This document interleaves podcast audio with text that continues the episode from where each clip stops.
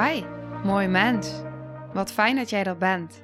Mijn naam is Sandy en ik geloof in een wereld waarin iedereen zijn liefdevolle zelf mag zijn. In deze podcast praten we openlijk over alle struggles die je tegenkomt op het moment dat je tegen jezelf aanloopt. Vanuit mijn kennis en ervaring deel ik levenslessen en geef ik je inspiratie hoe jij vanuit pijn en angst weer voor liefde en vertrouwen kunt kiezen, zodat jij, dwars door het donker, de weg terug kunt vinden naar het licht in jezelf. Welkom bij de Liefdevolle Strijder Podcast.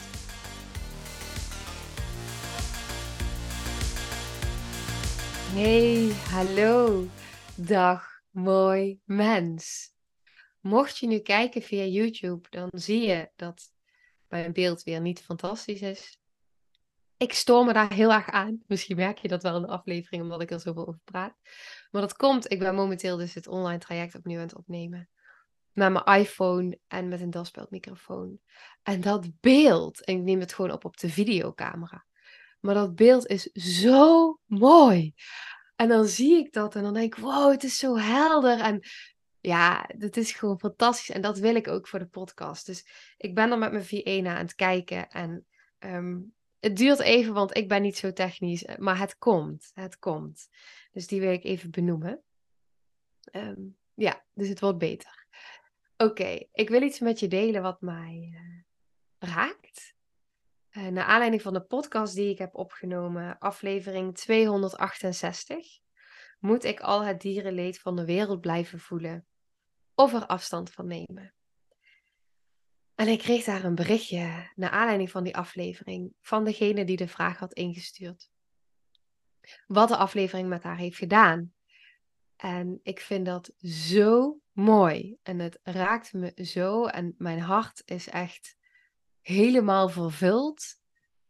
En ik voelde, dit wil ik met jou delen. Want ik denk dat jij daar ook iets aan kan hebben. Met wat zij hier uithaalt. Ik vind het zo mooi. Het zegt zoveel over haar. Op het moment dat je dit uit zo'n aflevering kan halen. En hoe ze dat vertelt, wil ik, ja, ik wil je er gewoon in meenemen, want ik denk dat jij daar ook iets aan kan hebben. Dus daarom wil ik het met je delen.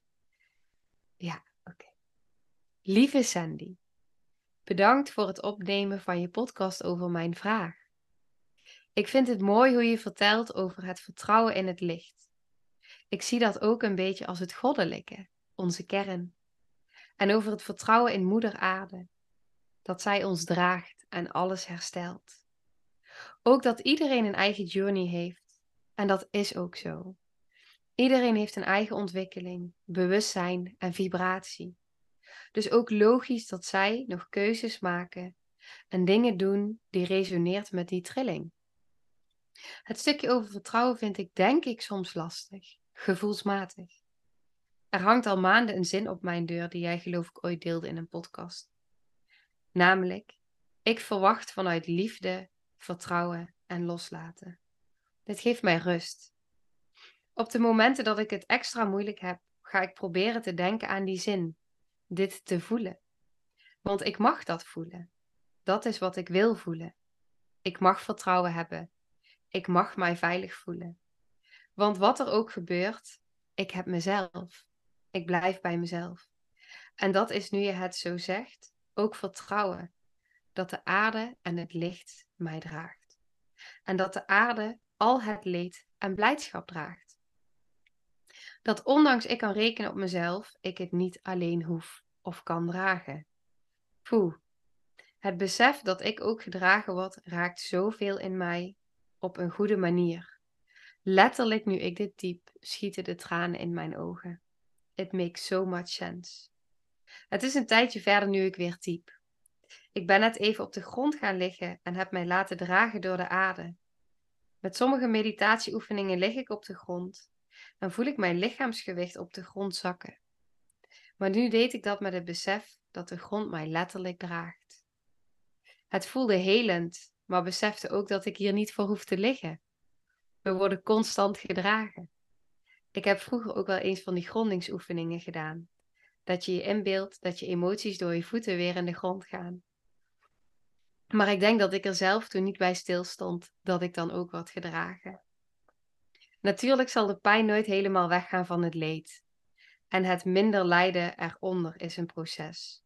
Maar dat is menselijk. Zonder pijn kunnen we geen vreugde ervaren. Dat is eenmaal de dualiteit die verbonden is met hier op aarde leven. Nogmaals enorm bedankt voor alles. En jij ook bedankt. Ik, ehm, het raakt mij zo en mijn hart vervult zich gewoon in de, uh, nou ja, volledig. Alsof mijn hele lichaam zich vervult in alle cellen. Het is zo, pardon, wat ik zo bijzonder vind, sowieso hoeveel dit zegt over iemand. Sorry. Uh, op het moment dat je naar deze podcast luistert, die natuurlijk soms best wel confronterend kan zijn. En wat je er dan zelf uithaalt. En ik vind dat zo bijzonder om dan mee te krijgen van wow, maar dit is dus wat iemand eruit haalt. En dat doet heel veel met mij. En wat ik daar vooral fijn aan vind, is heel vaak zeggen mensen tegen mij: Het voelt alsof ik je al ken. Als mensen dan bij me komen en uh, ik ze nog nooit heb ontmoet, dan weet ik, dan geeft dat al zoveel vertrouwen, omdat ze mij al kennen via de podcast. Maar ik voel ook een enorme verbinding met jou. En als ik dan dit soort berichtjes krijg, dan wordt dat alleen nog maar meer versterkt. Iedere keer dat ik weer een berichtje krijg van iemand die naar de podcast luistert, is echt dankjewel daarvoor. Dan bevestigt dat wat ik de hele tijd voel. En ook al heb je me nog nooit een berichtje gestuurd, het maakt niet uit, want ik voel het toch wel. En van de week, um, het is zo bijzonder wat ik nu met je ga delen. Dit is hoe het universum werkt. Ik heb al vaker, ik heb ooit een podcast geluisterd van Koekeroe en Pim van Lommel. Hij is een hartchirurg. En die podcast ging heel erg over uh, de uh, bijna doodervaring. En dat raakte mij toen van alle kanten. En ik vond dat mega interessant, mega inspirerend. En het bleef ook hangen. Maar ja, weet ik veel. Waarom dat zo bleef hangen. Nu, vorige week was ik dus de podcast aan het opnemen met Jolanda. Deze week trouwens. Was ik de podcast aan het opnemen. En zij komt binnen. En voordat wij begonnen met podcasten, hebben we gewoon over van alles en nog wat gekletst. Zij kwam binnen en binnen de kortste keren hadden we het over Pim van Lommel. Zij ken je die man en is hartchirurg en bijna doodervaring. En toen gingen we gewoon verder met alle gesprekken die we hadden. En op een gegeven moment, ik weet niet hoe het moment daar kwam. En op een gegeven moment zei ik ineens, ik zeg, ik denk dat ik een bijna doodervaring heb gehad. Mijn beeld is heel gek aan doen. Ik vind het echt bloedirritant. Dus sorry daarvoor als je nu kijkt. Ik kan er niks aan veranderen. Maar ik um, ben even van me apropos. Oké, hervatten. Um, ik zei dus, ik denk dat ik een bijna doodervaring heb gehad toen ik geboren werd. En Jolanda, op een of andere manier, toen wij daarover in gesprek waren, toen mijn lichaam reageerde, haar lichaam reageerde, en het voelde meteen zo kloppend. En ik had al de naam van zijn boek opgeschreven, Eindeloos Bewustzijn. En op het moment dat iets bij mij zo binnenkomt en blijft hangen, dan moet ik daar iets mee. Dus de dag daarna zat ik in de auto en dacht ik, oké, ik ga podcast luisteren. En ik luister heel veel naar Joran Luca. En nou, ik google Pim van Lommel en ik zie meteen een podcast van hem en Joran Luca. Dus die zet ik aan en ik zit in de auto. Ik weet niet of je ook wel eens in de auto luistert. Ik zit in de auto en ja, trouwens, dat weet ik wel, want dat hoor ik al vaker terug. Ik zat dus ook in de auto te luisteren. En ik zat te luisteren en op een gegeven moment zei die man... Ja, heel veel kinderen die onder de vijf een bijna doodervaring hebben gehad die herinneren hem niet meer bewust. Maar je ziet wel dat ze enorm hoogsensitief zijn en heel veel verbinding voelen met andere mensen. En anderen helpen vanuit een, niet vanuit, een, een, een uh, vanuit geld of, of, of vanuit uh, werk, maar echt vanuit een diep, um, ja, diep voelen. Uh, anderen te willen helpen. Echt, nou ja, zoals ik hem voel vanuit mijn ziel. En dus heel openstaan. En Jolanda zei ook al toen ze naast me op de bank zit, zat, zei ze, maar dit is waarom jij zo bent. Dit verklaart alles. Waarom jij zo hypersensitief bent. En waarom jij zo die dingen doet die je doet. Het klopt zo, zei ze nu ik dit hoor. Dus ik zat in de auto en ik luisterde die podcast met al deze dingen die door me heen gingen. En toen zei hij dat. Ehm, en toen dacht ik, ja, maar dit, dit klopt. En toen zei hij. Oh, zo. Toen zei hij. Ja, want als jij bijvoorbeeld tijdens je geboorte blauwpaars op de wereld komt, omdat je de navelstreng om je nek hebt, heb je een bijna doodervaring. En toen dacht ik, dit gaat over mij. En ineens alles wat ik al wist, wat ik al voelde. Maar er komt ineens zoveel bewustzijn op van wat ik zo vaak ook hier deel en zeg van, ik voel zoveel verbinding met jou, ook al kun je dat misschien helemaal niet voorstellen, hoe kun je die nou voelen? Maar ik voel die zo, zo sterk met mensen. Daarom kan ik doen wat ik doe, omdat ik zo hypersensitief ben. Omdat dit zo de bedoeling is. En ineens toen ik dat hoorde, voelde ik zo'n zegening en dankbaarheid voor een van mijn, nou ja, ja, zeker een van mijn meerdere grootste trauma's. Poeh.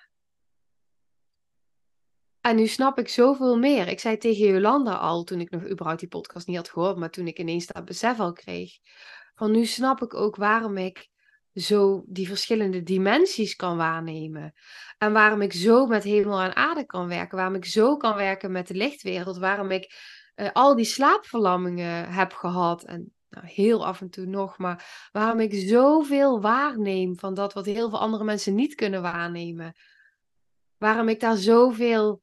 Ja, waarom het allemaal gewoon naar mij toe komt de hele tijd. Zoveel helderheid. En het maakt dat ik me zo dankbaar en gezegend voel um, over hoe ik geboren ben. Maar ook dat ik ineens zo besef van ja, maar dit is dus waarom ik als kind zoveel voelde wat ik helemaal niet kwijt kon. Ik weet dat ik op een gegeven moment, volgens mij heb ik het ooit een keer gedeeld hier in de podcast, maar dat ik op een, eh, op een begrafenis was van mijn opa. En dat verdriet wat ik voelde van al die mensen, dat was echt ongekend. Het was veel te groot om te dragen. Zoveel verdriet. Oh my god. En ik was nog zo klein. En ik weet dat ik op een gegeven moment. We hadden een koffietafel. En hij was net die grond ingegaan in zo'n kist. En ik weet nog dat ik onder die koffietafel ging zitten, helemaal in elkaar gedoken. En dat ik alleen maar al die emoties voelde. En dat ik helemaal overweldigd was. En dat iedereen met elkaar stond te kletsen en te lachen. En dat ik echt dacht, deze wereld is, is echt helemaal fucked. dit kan toch niet? Hoe kan dit nou? Al dit verdriet, al die emoties. En iedereen staat hier gewoon met elkaar te kletsen alsof er niks aan de hand is. Nou, dat, dat is iets wat mij zo is bijgebleven, waar ik zo. Nou ja, ik, ik snapte de hele wereld niet meer. Ik snap volgens mij überhaupt de wereld al niet. Maar toen dacht ik echt, nou, dit, dit klopt niet. En nu kan ik het allemaal heel anders zien. Maar toen, ik voelde zo sterk dat. En waarschijnlijk ook dus omdat ik dus zo open sta en zo hypergevoelig en alert ben. Ja, het verklaart in ieder geval veel. Dus ik ben nou die Pin van Lommel. Ik moet zijn boek nog even bestellen. Ik heb zoveel boeken die ik nog wil lezen en aan het lezen ben. Maar uh, ik ben hem nu in ieder geval op YouTube even helemaal aan het bingen. Uh, want ik wil er alles over weten. Ik vind dit zo interessant. Um, het, is echt, het is echt een aanrader om dit. Um, ja, als je, ja, echt, het is echt een aanrader. Want wat het ook kan doen als jij bang bent voor de dood, bijvoorbeeld. Ehm, dan denk ik dat dit je een hele andere kijk kan geven daarop. En dat je dat heel veel rust kan geven. En nu snap ik dus ook waarom ik nooit bang ben geweest uh, voor de dood. En nu snap ik dus ook waarom ik als kind, en dat heeft echt wel met heel veel meer factoren gehad hoor, uh, gezien mijn jeugd, maar uh, waarom ik daar zo naar verlangde. Ik heb altijd zo, ja, ik heb echt maanden, jaren opgestaan met de gedachte, ik, ik wou dat ik er niet meer was. En ik ging naar bed met de gedachte, ik hoop dat ik niet wakker word. En dat ging heel diep. Ik was daar echt wel heel erg, ik had echt een heel diep verlangen daarnaar. Er is gewoon heel veel in mij wat, uh, wat verbinding heeft met de dood. En dat voel ik altijd als thema's door mijn leven heen. Dat er zoveel, um, ja, het voelt ook alsof er delen van mij nog uh, ver gedissocieerd. En uh, ja, ja, het, het, raakt veel in ieder geval. Maar goed, wat ik, waarom ik hier dus helemaal opkwam, was dus omdat het dus voor mij ook zo verklaarde van hé, hey, daarom voel ik dus zo die verbinding en die connectie. En waarschijnlijk kun je hem daarom ook zo met mij voelen, omdat ik hem zo voel. En uh, ja, als je iets zo sterk voelt, dan voelen anderen dat ook. Dat is gewoon zo. En als jij ook uh, gevoelig bent, ja, dan mag mijn hart jou raken. En als ik dan zo'n berichtjes krijg, dan uh, andersom ook. Dus dank je wel. ja, ik voel me helemaal stralen. Ik voel me helemaal stralen. Oké, wat ik wou delen in deze aflevering, want ik ben een beetje aan het uitwijken, aan het afwijken. Wat ik eigenlijk al, wat al door me heen was gekomen en wat uh, deze dame ook eigenlijk kort benoemd. Um, iedereen heeft een eigen ontwikkeling, bewustzijn en vibratie. Dus logisch dat zij keuzes maken en dingen doen die resoneert met die trilling. En die, ik was daar nog over na aan denken. Um, zelf, dat ik dacht, kijk, weet je, je maakt keuzes op een bepaald punt waar jij staat in jouw leven. Maar dat neemt niet weg dat jij misschien op een ander moment in een andere trilling, andere vibratie of ander moment in jouw leven een andere keuze maakt. Dus als je het hebt over het voorbeeld vegan worden. Hoe is dat als jij vegan wordt en jij beslist na twee jaar ineens: hé, hey, ik zit in een andere trilling, een andere vibratie, en nu eet ik een periode ei en ben ik even vegetarisch. Tijdens mijn zwangerschap met Noah, toen zat ik in een andere trilling en een andere vibratie. En dat was in alles voelbaar. En toen voelde ik in die periode ongelooflijk veel behoefte om ei te eten. En normaal heb ik oh, echt niet gewoon. Dan ben ik gewoon, was ik gewoon helemaal vegan. Maar in die periode, en ik heb daar ook in het begin hoor, toen ik vegan werd, heb ik wel eens, um, deden we in het begin, nou ja, trouwens, ik hoef niet helemaal uit te wijken. Uh, toen ik zwanger was van Noah, voelde ik die behoefte. En dan is het natuurlijk, oh ja, maar ik ben eigenlijk vegan en ik voel nu een andere behoefte vanuit mijn lijf. Wat doe je dan? Heb je dan de vrijheid om die trilling waar je op dat moment op trilt, om de behoefte van je lijf, te volgen en in dat moment een andere keuze te maken dan dat je daarvoor deed. Ongeacht wat iedereen daarvan gaat vinden of zeggen. Want als jij een bepaalde keuze maakt van nou, ik ben vegan en ineens ga je ei eten omdat je zwanger bent en je voelt die behoefte, dan kan het zo zijn dat mensen zeggen, ja, maar je was toch vegan? Dat. En dat is heel logisch, want uh, dat is natuurlijk nou ja, dat raakt natuurlijk ook weer iets in anderen. Maar waar het eigenlijk het punt over gaat, is dus dat ik mezelf op dat moment heb toegestaan. Van nou, ik voel die behoefte, dus ik volg die behoefte van mijn lijf. Was ook heel bijzonder, want toen ik niet meer zwanger was, was die ook meteen weg. Echt dat ik gewoon kotsmisselijk werd van het idee al. ja, gewoon echt niet meer wilde. Um, dus het is heel interessant wat hormonen uh, dus met jou doen. Um, nou, met hoe je tegen dingen aankijkt en hoe je in dingen staat. Maar waar het over gaat in deze aflevering, wat ik dus zo waardevol vind en met je wil delen, is kun je jezelf toestaan, ongeacht waar je staat en welke keuze je op een bepaald punt in je leven hebt gemaakt, om een andere keuze te maken. Als dat is wat je in dat moment voelt. Vaak zitten wij zo vast in bepaalde uh, patronen en uh, dingen, maar mag je anders kiezen? Ook al is misschien niet alles in jou het ermee eens, want de vegan in mij was het daar niet mee eens. Maar ik voelde op dat moment zo'n sterke behoefte van mijn lijf. En ik was zwanger, dus ik had niet alleen maar zelf er iets over te zeggen. Ja, ik zorgde ook voor mijn kindje. Dus volg ik dan de behoefte van mijn lijf of die van een deel in mij wat zegt: nee, gaan we niet doen. Ehm, en ik heb de behoefte van mijn lijf gevolgd, want ik voelde iets diepers door mij heen werken. En ik dacht, ja, maar als dit is wat ik voel, dan zal dat wel de behoefte zijn die mijn kindje op dit moment wil. Uh, dus ik volg die. En toen kon ik daar oké mee zijn in dat moment. Mm, maar kunnen we dus vanuit zachtheid voor onszelf, maar vooral vanuit vrijheid voor onszelf, keuzes maken en mogen die vandaag anders zijn dan gisteren? Wanneer ben je dan trouw aan jezelf? Want in iedere keuze die ik maak, en dat is oprecht zo, ik heb er vanmorgen een hele uh, module over zitten opnemen in het online traject, die gaat over ontmengen. In iedere keuze die ik maak, is er altijd wel een deel in mij die het er niet mee eens is. Altijd. En dan is het de vraag, welk deel in mij ga ik nu volgen?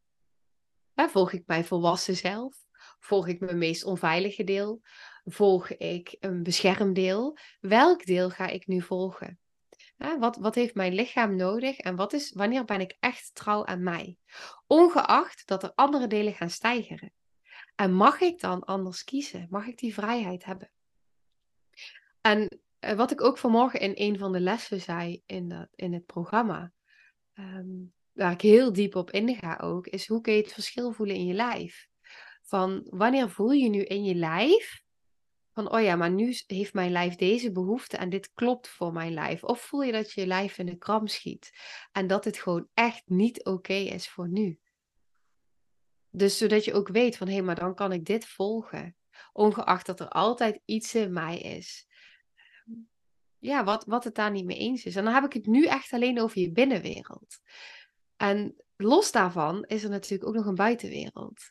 Want op het moment dat jij ergens voor gaat staan, nou, dan gaan mensen een label op jou plakken en jij misschien ook op jezelf. Maar mag je ook daar vrij van zijn? Van die labels? Kun je jezelf daarvan bevrijden? En ik weet dat ik nu best wel wat kan triggeren. Ook dit is een, uh, zijn lessen in het online traject. Die heel erg gaan over jezelf bevrijden van verwachtingen van jezelf en van anderen. Maar ook de verwachtingen die je zelf hebt voor jezelf en dus aan anderen oplegt. Want op het moment dat je in staat bent om los te komen van de verwachtingen aan jezelf, verwachtingen aan anderen, maar dat je kan gaan meebewegen met de flow die je voelt vanuit je lijf, de flow van het leven, ehm, ongeacht uh, dat wat je mind zegt, ja, dat, is, dat is bevrijdend.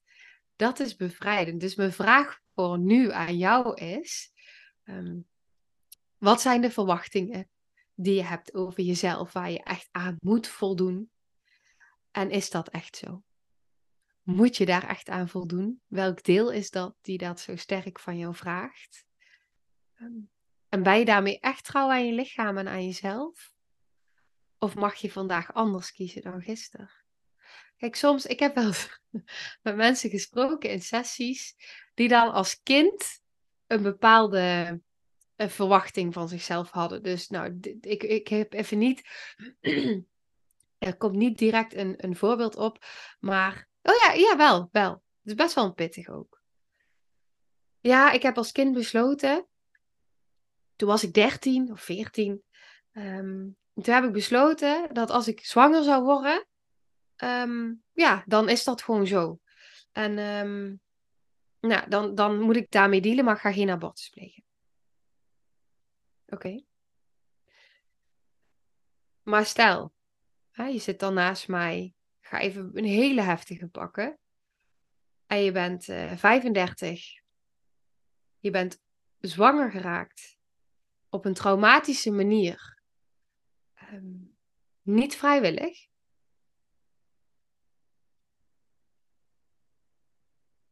Zou het dan zo kunnen zijn dat je dan anders zou mogen kiezen? En ik ga, ik ga niks hierover invullen of zeggen of wat dan ook. Maar zou het dan zo mogen zijn dat je anders mag kiezen dan toen je nog zo klein was? En mag je vandaag anders kiezen dan dat je gisteren besloot? En waarom hou je je eigenlijk vast aan bepaalde dingen? En wat nog belangrijker is, is wat zijn de waarden die daaronder zitten? Nou, soms is het fijn om die waarden af te gaan wegen. Ja. Dus welke waarden zijn belangrijk voor jou? En kun je gaan afwegen van hé, hey, maar als ik bijvoorbeeld de waarde heb gezondheid en ik heb de waarde liefde, hè, voor, mij, voor mij zijn die allebei heel belangrijk en ze hebben allebei te maken met het vegan zijn, vegetarisch vegan. En misschien wel bij veel meer mensen die zich hierin herkennen. Uh, het gaat over liefde voor de dieren, liefde voor de aarde, liefde voor mijn lichaam. En het gaat uh, over gezondheid. Want ik voel gewoon wat het voor mijn lichaam doet. Om, uh, ja, wat het voor mijn lichaam doet. Maar op het moment dat je dan een andere beweging voelt, dan is het ook belangrijk van hé, maar daar zit ook liefde onder. En daar zit ook gezondheid onder.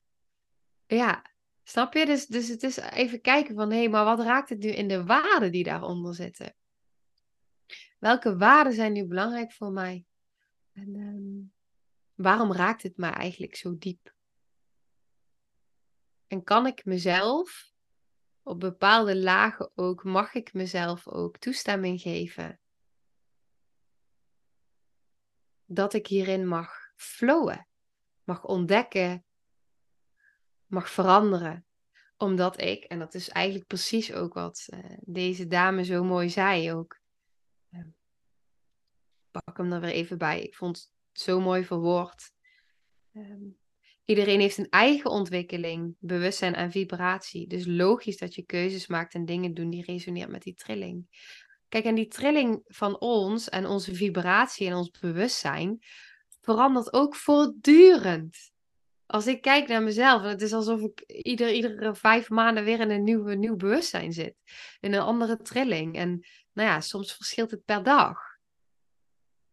Dus dat is, um, ja, dat is, dat is, het, het is zo ehm, ja, los van anderen, maar het is bij jezelf al zo veranderlijk. Uh, ja, dit, dit is ook wie wij zijn als mens. Wij transformeren, wij creëren, wij. Ja.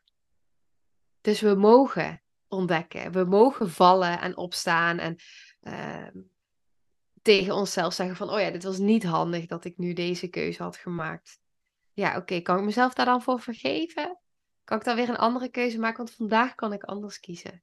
En wat kan ik vandaag kiezen wat het meest in alignment is met hoe het nu is en hoe ik me nu voel?